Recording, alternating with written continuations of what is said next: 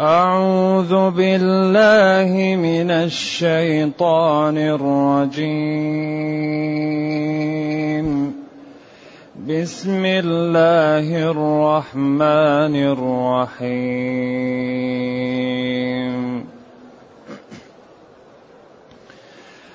حميم. والكتاب المبين. إنا جعلناه قرآنا عربيا. إنا جعلناه قرآنا عربيا لعلكم تعقلون. وإنه في أم الكتاب لدينا لعلي حكيم أفنضرب عنكم الذكر صفحا أفنضرب عنكم الذكر صفحا أن كنتم قوما مسرفين.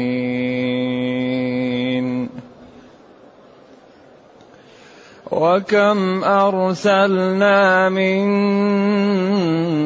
نبي في الأولين.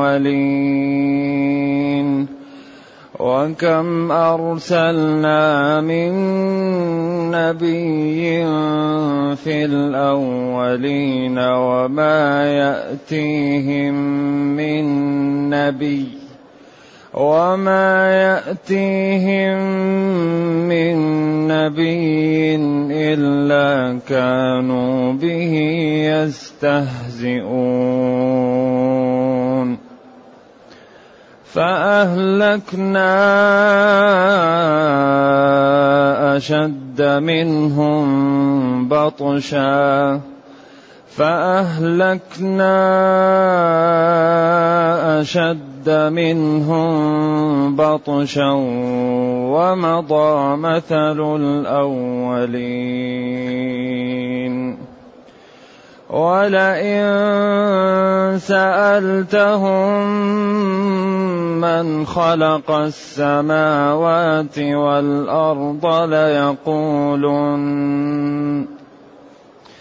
ليقولن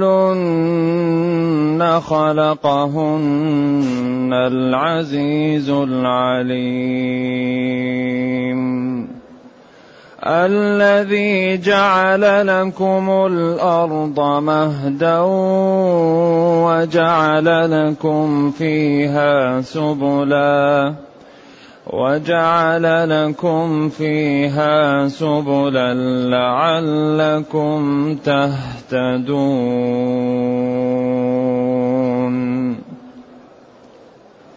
الحمد لله الذي أنزل إلينا أشمل كتاب. وأرسل إلينا أفضل الرسل وجعلنا خير أمة أخرجت للناس. فله الحمد وله الشكر على هذه النعم العظيمة والآلاء الجسيمة. والصلاة والسلام على خير خلق الله وعلى آله وأصحابه ومن اهتدى بهداه. أما بعد فإن هذه السورة تسمى سورة الزخرف. لمجيء كلمة الزخرف فيها. وهي من السور المكية باتفاق.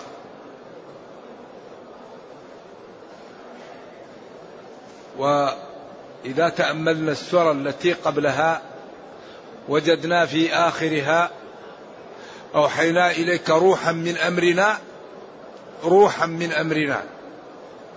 ما كنت تدري ما الكتاب ولا الإيمان ولكن جعلناه نورا نهدي به من نشاء من عبادنا وإنك لتهدي إلى صراط مستقيم إلى قوله حاميم والكتاب المبين إنا جعلناه قرآنا عربيا. هذا الروح الذي أنزلناه على نبينا ويهدي جعلناه قرآنا عربيا. لذلك كل سورة وراء سورة ماسك بها. علم ذلك من علمه وجهله من جهله.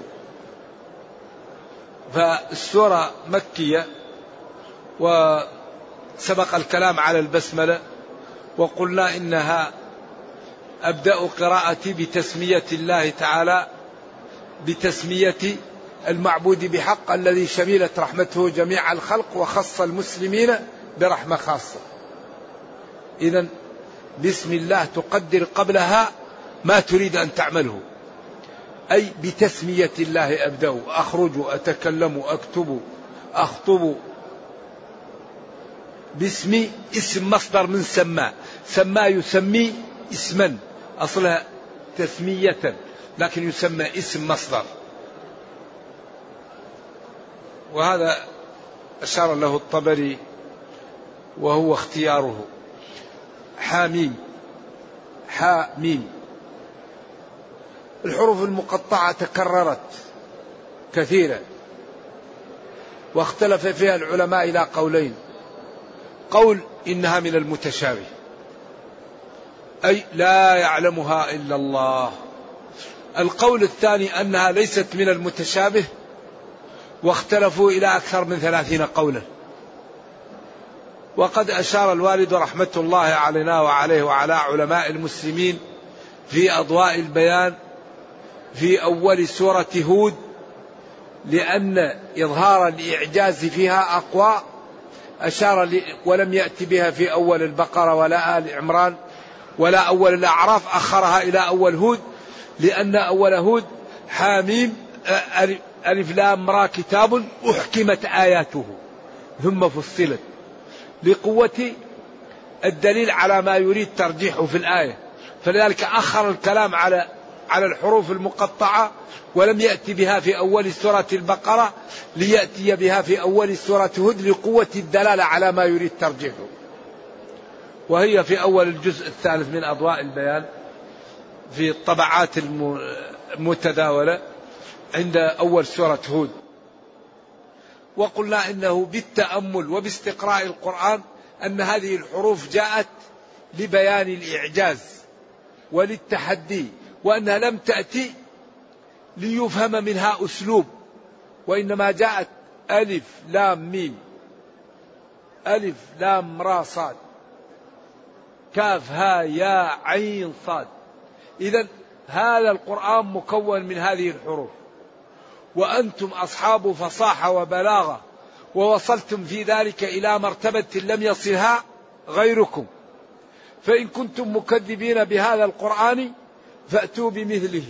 فإن عجزتم فبادروا بالدخول في هذا الإسلام وبالتوبة قبل أن يحل تحل عليكم العقوبة. ومما يزيد ذلك إيضاحا التنويه بالقرآن في أغلب هذه الموضوعات التي تذكر فيها الحروف المقطعة. إذا هي جاءت للإعجاز ولبيان التحدي. هذا القرآن مكون من هذه الحروف. وأنتم أصحاب فصاحة وبلاغة. فأتوا بمثله. ولكم أن يساعدكم من على وجه الأرض ممن يستطيع أن يساعدكم على الإتيان بمثله. فإن عجزتم ولم تستطيعوا الإتيان بمثله فاعلموا أن رسولي صادق فيما جاءكم به وأن هذا كتاب أنزلته عليكم لتعملوا به ولينقذكم من الضلالة وأن من كذب به عرض نفسه لأن تحل عليه عقوبة الله وسخطه. هذا الذي يظهر. إذن حاميم والكتاب المبين. أقسم بالكتاب المبين الواضح. وسمي الكتاب لأنه يكتب إما مكتوب في اللوح المحفوظ أو أنه سيكتب ويجمع. المبين الواضح الذي لا لبس فيه.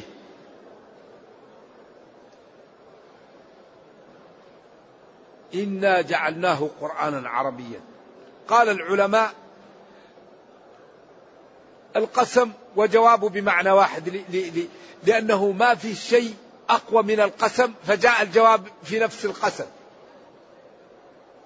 لأن ما فيه مثل الكتاب المبين. أقسم بالكتاب المبين وجعل الجواب هو نفس الكتاب المبين لكن بأسلوب آخر. لأن لا يوجد مثل هذا الكتاب. إذا حاميم والكتاب المبين إيش؟ إنا جعلناه قرآنا عربيا.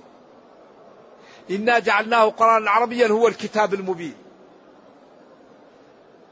فجعل القسم والمقسم على شيء واحد لأنه لا مثيل لهذا الكتاب.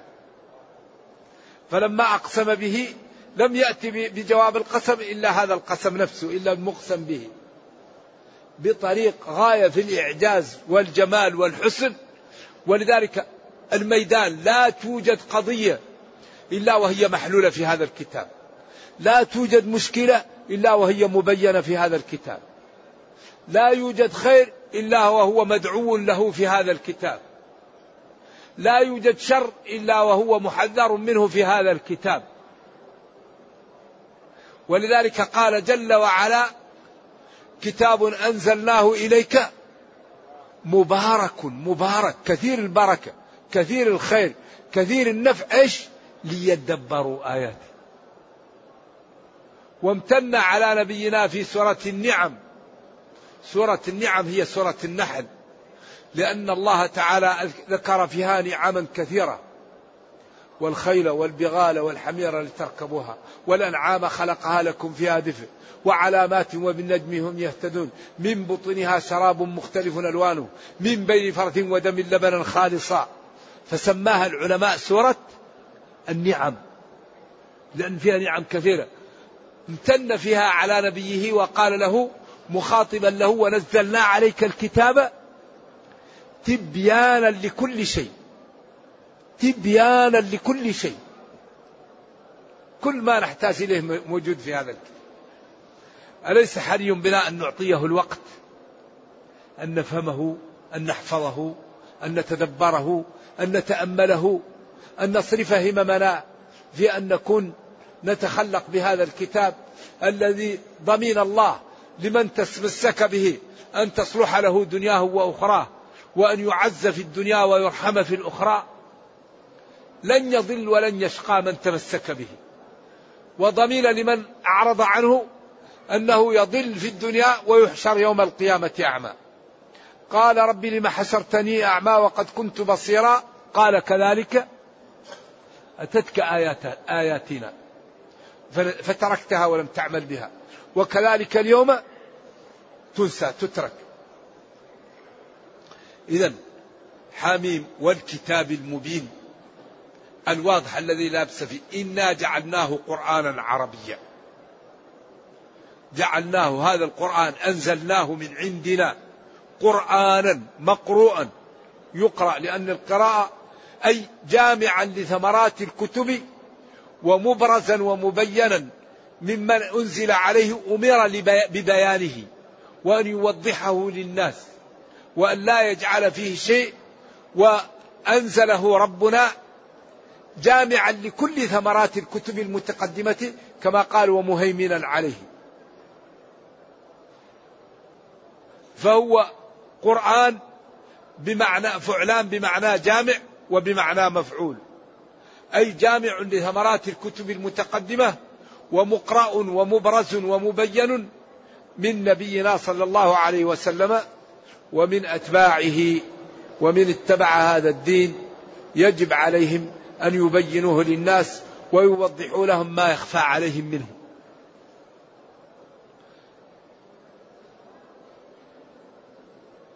لعلكم تعقلون.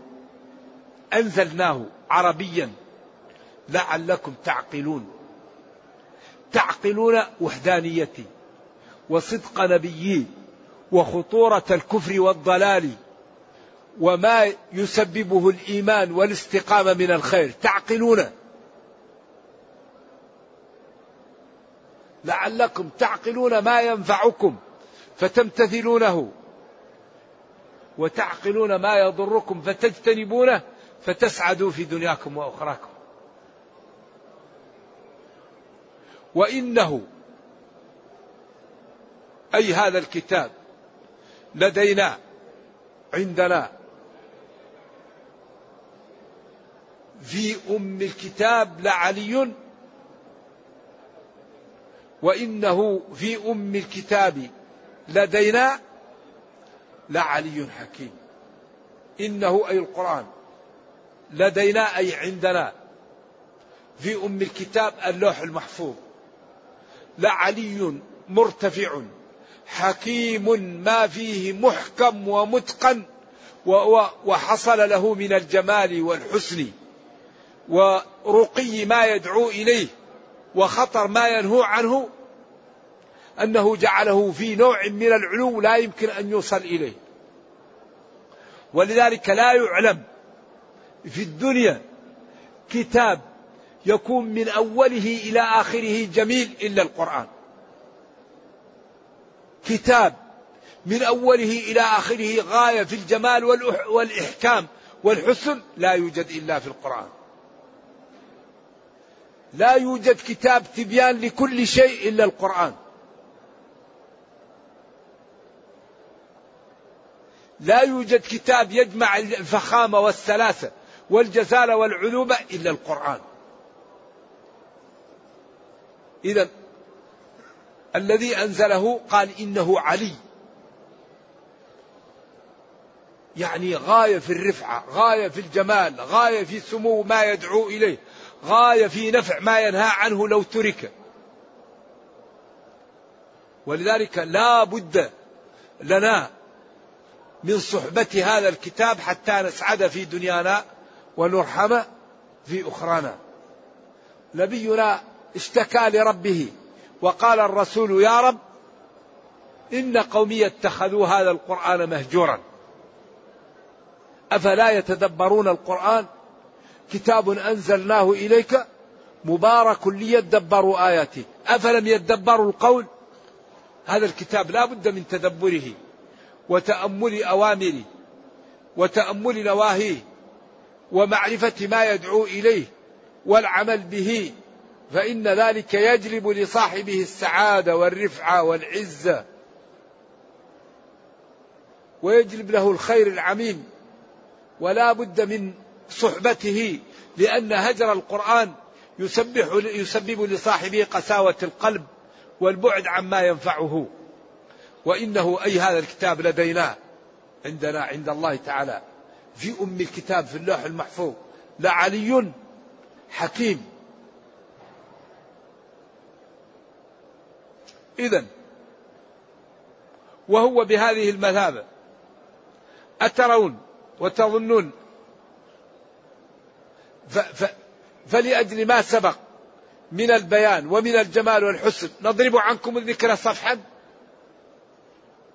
أقوال العلماء فيها متقاربة والمقصود بها أفنترككم ولا نبين لكم الحق أو فنترككم بعد أن بينا لكم الحق من غير أن نعاقبكم. لأن ضرب صفحا الصفح هو يعني كأنه تركهم.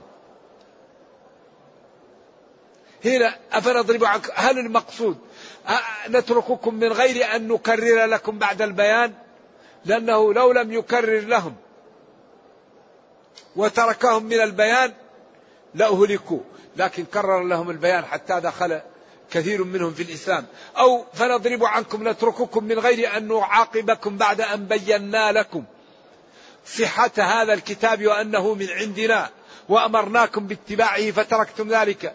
أنضرب عنكم ذكر صفحا من غير أن نجازيكم ونعاقبكم على ذلك؟ لا يكون. وهذا يقويه أن كنتم قوما مسرفين أو إن كنتم قوما مسرفين. قراءتان سبعيتان إن كنتم بعض العلماء قال إذ كنتم. إن هنا بمعنى إذ. وهي إذا قلنا إن بمعنى إذ تزيل إشكالات. أو أن لأن كنتم أو لأجل كنتم قوما مجرمين. أن مصدرية أو إن شرطية بمعنى إذ أي نترك عنكم الذكرى وعدم تكرير لكم هذه الأوامر والنواهي والتخويف. ونكتفي بمرة لا. أو نترككم من العقوبة. بعد أن كنتم مجرمين وبينا لكم؟ لا. ثم سلى نبيه وثبته. وكم أرسلنا؟ من نبي في الأولين. كم للتكثير إذا إن كذبك قومك فالرسل قبلك كذبوا. كثير من الرسل قبلك أرسلنا. وما يأتيهم من نبي إلا كانوا به يستهزئون. نوح قالوا بعد أن كنت نبيا صرت إيش؟ نجارا. قال لهم إن تسخروا منا فإنا نسخر منكم. وركبوا في السفينة وقال فانتصر. قال لربه فانتصر. يا ربي فانتصر. إني فدعا ربه أني مغلوب فانتصر يا رب. ففتحنا أبواب السماء بماء منهمر وفجرنا الأرض عيونا. فجرنا الأرض عيونا. هي على أصح التفاسير هي فارة التنور. التنور وجه الأرض. على على أقوى الأقاويل. ولذلك فجرنا الأرض عيونا فارت الأرض تنور الأرض وجه الأرض. فتفجرت بالماء ونزل فالتقى الماء على أمر قد قدر وهي تجري بهم في موج كالجبال. سخروا بعد أن كنت نبيا. طيب عرفوا هل هو نبي أو نجار بعدين. يستهزئون. أساطير الأولين ساحر كاهن. إذا إن كذبك قومك يا نبي فالرسل قبلك كذبوا وانتصروا وأنت ستنتصر وستكون العاقبة لك وللمتقين. هذا تسلية وطمأنة. ولذلك يا نبي فأهلكنا أوبقنا وأوقعنا. قبل هؤلاء من هو أشد منهم؟ فأهلكنا أشد منهم بطشا. أهلك الله أشد من هؤلاء. مثل عاد وثمود وقوم صالح وقوم لوط وشعيب كلهم هؤلاء أقوى من من قريش. فأهلكنا أشد منهم بطشا أي قوة وبطرا وبأسا. ومضى مثل الأولين في أن الذي يكذب ولا يقبل ما جاءته الرسل به يهلك ويهزم. ولذلك اطمئن يا نبي فإن النصر لك والفلاح ومن كذبك فسيوقع به في الدنيا وسيعاقب في الأخرى. ولذلك كثير من هذه الأمور يقول تحقق يوم بدر. أوقعنا من هو أشد منهم بطشا. ومضى مثل الأولين المثل هو الذي يوقع بشيء فيكون مثل يحتذى به. قال وإنكم لتمرون عليهم مصبحين وبالليل. وقد خلت من قبلكم المثلات. ولذلك الذي لا يعتبر بالمثلات يخاف عليه. لا تمروا بهؤلاء القوم المعذبين إلا أن تكونوا باكين. مخافة أن يصيبكم ما أصابهم. هذه ديار قوم قوم صالح لا يأتيها الإنسان إلا وهو باكي إذا رأى أن يأتيها يأتيها باكي خائف معتبر. أما الذي يأتيها يضحك وليس بخائف خطر. هذا محل عذاب. قال لا تأتوا لهؤلاء القوم إلا أن تكونوا مخافة أن يصيبكم ما أصابهم. ولذلك قال فاعتبروا يا أولي الأبصار. اعتبروا. لقد كان في قصصهم عبرة لأولي الألباب. ما كان حديثا يفترى.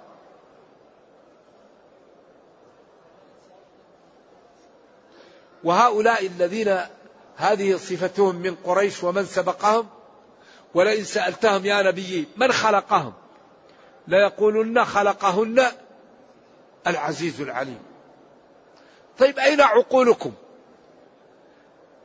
هذه الأجرام الكبيرة وهذه النعم الجليلة التي عندكم من العزيز العليم فكيف تصرفون حقوقه لغيره؟ أين العقول؟ ولكن من يضلل الله فلا هادي له. يقضى على المرء في أيام محنته حتى يرى حسنا ما ليس بالحسن نرجو الله السلام والعافية. ولئن سألتهم من خلقهم من خلق السماوات والأرض ليقولن أي كفار قريش خلقهن العزيز العليم العزيز الغالب. العليم الذي لا تسقط من ورقة الله أعلمها. طيب أين عقولكم؟ كيف تصرفون حق الله لغيره؟ ذلك أدلة وبراهين قاطعة لا تترك لأي كافر حجة. ولذلك ينبغي للعاقل أن يبادر. حجج وبراهين واضحة. الذي جعل لكم الأرض مهدا. المهد هو الذي يجلس فيه. وهو محل الصبي الذي يوضع فيه يقال المهد في المهد صبيا وكل محل يسكن فيه الإنسان يقول له مهادا. وجعل لكم فيها سبلا طرق. لعلكم تهتدون لمعايشكم ومصالحكم وتذهبون. إذا ربنا صاحب نعم جليلة عليكم فأوجدكم من العدم. وقدرته لا تنكرونها فبأي حق تصرفون حقوقه إلى غيره؟ أين عقولكم؟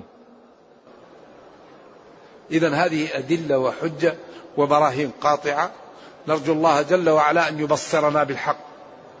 نرجو الله جل وعلا أن يرينا الحق حقا ويرزقنا اتباعه وأن يرينا الباطل باطلا ويرزقنا اجتنابه وأن لا يجعل الأمر ملتبسا علينا فنضل. اللهم ربنا أتنا في الدنيا حسنة وفي الآخرة حسنة وقنا عذاب النار. اللهم اختم بالسعادة آجالنا واقرم بالعافية غدونا وآصالنا واجعل إلى جنتك مصيرنا ومآلنا يا أرحم الراحمين. سبحان ربك رب العزة عما يصفون وسلام على المرسلين والحمد لله رب العالمين وصلى الله وسلم وبارك على نبينا محمد وعلى آله وصحبه والسلام عليكم ورحمة الله وبركاته. هل يجوز للمرأة المفردة بالحج بعد الطواف والسعي. أن تستحم وتغتسل بالصابون الذي ليس له ريحة صابون عادي. يجوز لكن الأولى لمن هو في الإحرام أنه إذا اغتسل للتبرد أو لغير ذلك من الأمور أن يصب الماء ولا يحط المنظفات. الأولى الأولى أفضل. لكن إذا استعمل تنظيف ليس في رائحة لا يضر لكن الأولى أن يصب الماء لحاله بس. لأنه قال بعدين ثم ليقضوا تفثهم ثم ليقضوا. فإذا كان يأخذ مزيل للوسخ ومزيل قضى تفثه قبل أن يحل إحرامه. وهو قال ثم ليقضوا تفثهم والتفث هو الوسخ والأشياء فإذا كان ينظفها قبل أن ينتهي من الإحرام أصبح هذا فيه إيش؟ في نوع من الإشكال. لكن يصب الماء بدون أن يكون فيه إيش؟ مع الشيء. هذا الأولى والأفضل. نعم. ما أركان الحج؟ أركان الحج الدخول في الإحرام. الدخول في الإحرام بالنية لا باللبس. ينوي الدخول في الإحرام والنية عقد القلب الذي عليه إذا كنت مسافرا سفرا بعيد الذي تبيت عليه هذا هو نية. النية ما يكون في القلب. ثاني شيء الوقوف بعرفة من اليوم التاسع من بعد الظهر عند الجمهور إلى طلوع إلى قبل طلوع فجر يوم العاشر. أو من بعد طلوع الفجر عند بعض العلماء من اليوم التاسع إلى قبل الغروب حوالي 24 ساعة. هذا وقت للطلوع في عرفة. ومن فاته عرفة فاته الحج. ولذلك قال العلماء الحج عرفة. فالذي لم يقف في عرفة من بعد من يوم التاسع أو ليلة عشرة إذا طلع الفجر انتهى خلاص ما عليه حج يتحلل بعمرة ويجب عليه الحج من قابل إلا إذا اشترط. ولذلك الله قال وأتموا الحج والعمرة. والذين ينزلون في عرنة هذا ليس محل. وارتفعوا عن بطن عرنة. وقفتها هنا ووقفت وعرف كلها موقف وارتفعوا عن بطن عرنة. الوادي الذي المسجد لم يرى بعضه خارج عرفة وبعضه داخل عرفة. فينبغي للحاج أن يدخل عرفة. وينبغي للحاج أن لا يخرج من عرفة إلا بعد غروب الشمس. الركن الثالث طواف الإفاضة طواف الزيارة. هو طواف الإفاضة. وهو الذي يكون بعد المجيء من عرفة. ووقته لغير أصحاب الأعذار بعد طلوع الفجر من يوم النحر بعد طلوع الشمس. ولأصحاب الأعذار من منتصف الليل. نعم. الركن الرابع السعي بين الصفا والمروة عند الجمهور. وفي أقوال أخرى في, في, في السعي لكن هذا أقواها. هذه أركان الأربعة الذي لم يعملها لا يتم حجه. يقول إن لم يأتي بها الحاج ماذا عليه يبقى حجه ناقص. ما واجبات الحج. وإن لم يأتي بها الحج ماذا عليه. واجبات الحج الإحرام من الميقات والتجرد من المخيط وجمع الليل والنهار لمن جاء نهارا في عرفة. وحط الرحال جزء من الليل في مزدلفة. ورمي الجمار. ومبيت في منى ليالي أيام التشريق. والحلق أو التقصير. هذه الواجبات. من ترك واجبا فعليه دم. من ترك نسكا فليرق دما. نعم. والحج أيامه خمسه ينبغي للمسلم الذي جاء لأجل الحج وصرف مالا ومجهودا ووقتا أن لا يضيع عمره ويصبر في هذه الأيام الخمسة عما لا ينفعه. ولذلك قال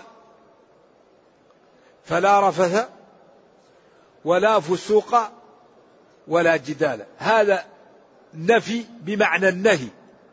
قال العلماء نفي بمعنى النهي. فلا رفث أي لا ترفثوا ولا فسوق أي لا تفسقوا ولا جدال أي لا تجادلوا. وهذا رحمة بنا نهى ربنا عنها حتى لا يقع المسلم فيما لا يجعل حجه يأخذ الأجر كاملا. والأجر ليس كغيره الحج الذي يحج ولم يرفث ولم يفسق لا يبقى عليه ذنب. لا يبقى عليه أي ذنب. خرج من ذنوبه كيوم ولدته أمه. الحج المبرور ليس له جزاء إلا الجنة. فمن تعجل في يومين فذنبه مغفور. ومن تأخر فذنبه مغفور. بدليل لمن اتقى وبدليل فمن تأخر. لأن التأخر ليس مظنة للإثم حتى يقال فلا إثم عليه. فهو بيان للحج المبرور. ولذلك قال لمن اتقى. أي من حج واتقى لا إثم عليه. سواء تعجل أو تأخر. إذا الحج الذي صاحبه يتقي الله لا ذنب عليه سواء تعجل أو تأخر فمن تعجل فلا إثم عليه ومن تأخر لمن اتقى. ليس المقصود فمن تعجل فلا إثم عليه لتعجله ومن تأخر فلا إثم عليه لتأخره. لأن كيف التأخر يكون عليه إثم؟ التأخر بالإجماع فيه فضلية. ما في خلاف أن الذي يتأخر اليوم الثالث عشر في في ماذا؟ في منن أن له أجر زايد. لكن فمن تعجل فذنبه مغفور ومن تأخر فذنبه مغفور لمن اتقى. إذا خمسة أيام يا أخي أتركك من النظر للحرام أتركك من سماع الحرام أتركك من التفكير في الحرام أتركك من النطق بالحرام يا أخي. حاول أن تصحب الأخيار وحاول أن تقلل الخلطة وتصبر خمسة أيام ولا يبقى عليك ذنب.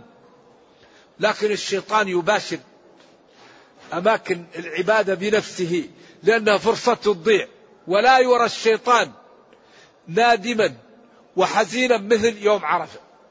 لما يرى من تنزل الرحمات في عصر يوم عرفة. الله يغفر لكل الخلق كل الموقف يغفر له الله إلا من أبى. فالشيطان عمله طول السنة في, في, في, في ساعات ولحظات يضيع عليه فيخرج من عرفة حزين جدا.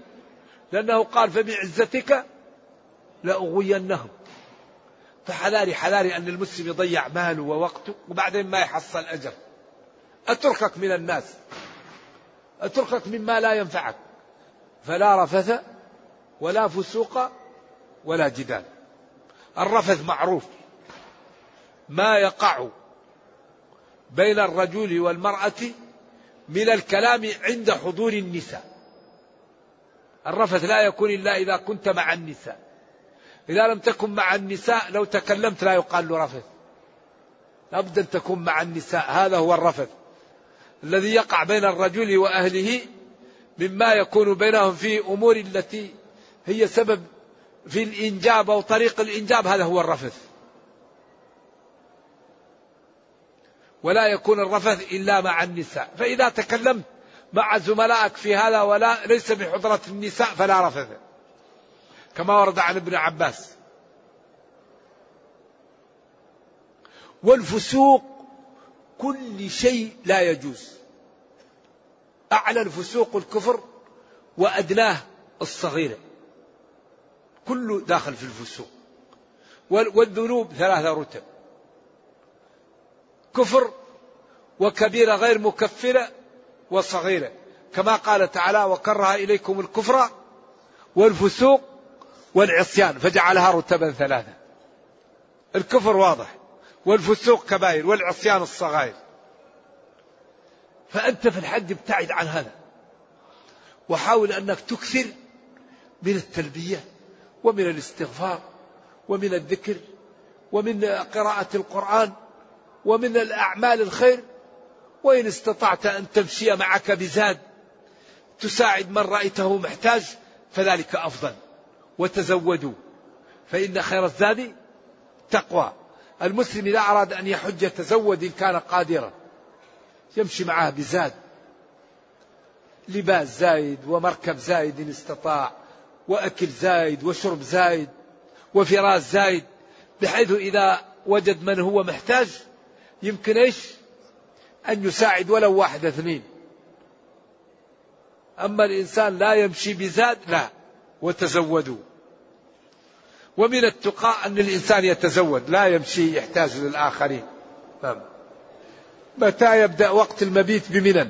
إذا لم يجد المسلم مكانا في منن يبيت فيه يمكن أن ينزل خارج منن ويأتي في الليل ويبيت. بيت في منن إن شاء الله ويجزئه هذا. الدين يسر. أي شيء لا تستطيعه أبواب الأمام مفتحة. لكن شيء تستطيعه الله لا يخفى عليه من يستطيع ومن لا يستطيع. لذلك الذين يسقون رخص لهم في عدم المبيت. والذين يرعون رخص لهم في أن لا يرموا اليوم الأول. ما في حرج. ما جعل عليكم في الدين والذين لا يستطيعون أن يرموا يوكلوه والذي لا يستطيع أن يحج الحج على المستطيع. لكن ما يروح واحد يحج وبعدين يروح يلعب وهو ما عنده مشكلة. لا. الحج الذي دخل فيه لازم يتم وأتم الحج والعمرة. فإذا كنت لا تستطيع لا تدخل. أما تدخل ولا تقف في عرفة أو لا ولا ترمي ولا تبيت لا ينبغي ولا تطوف. ينبغي للإنسان إذا دخل في العبادة أن يتقنها.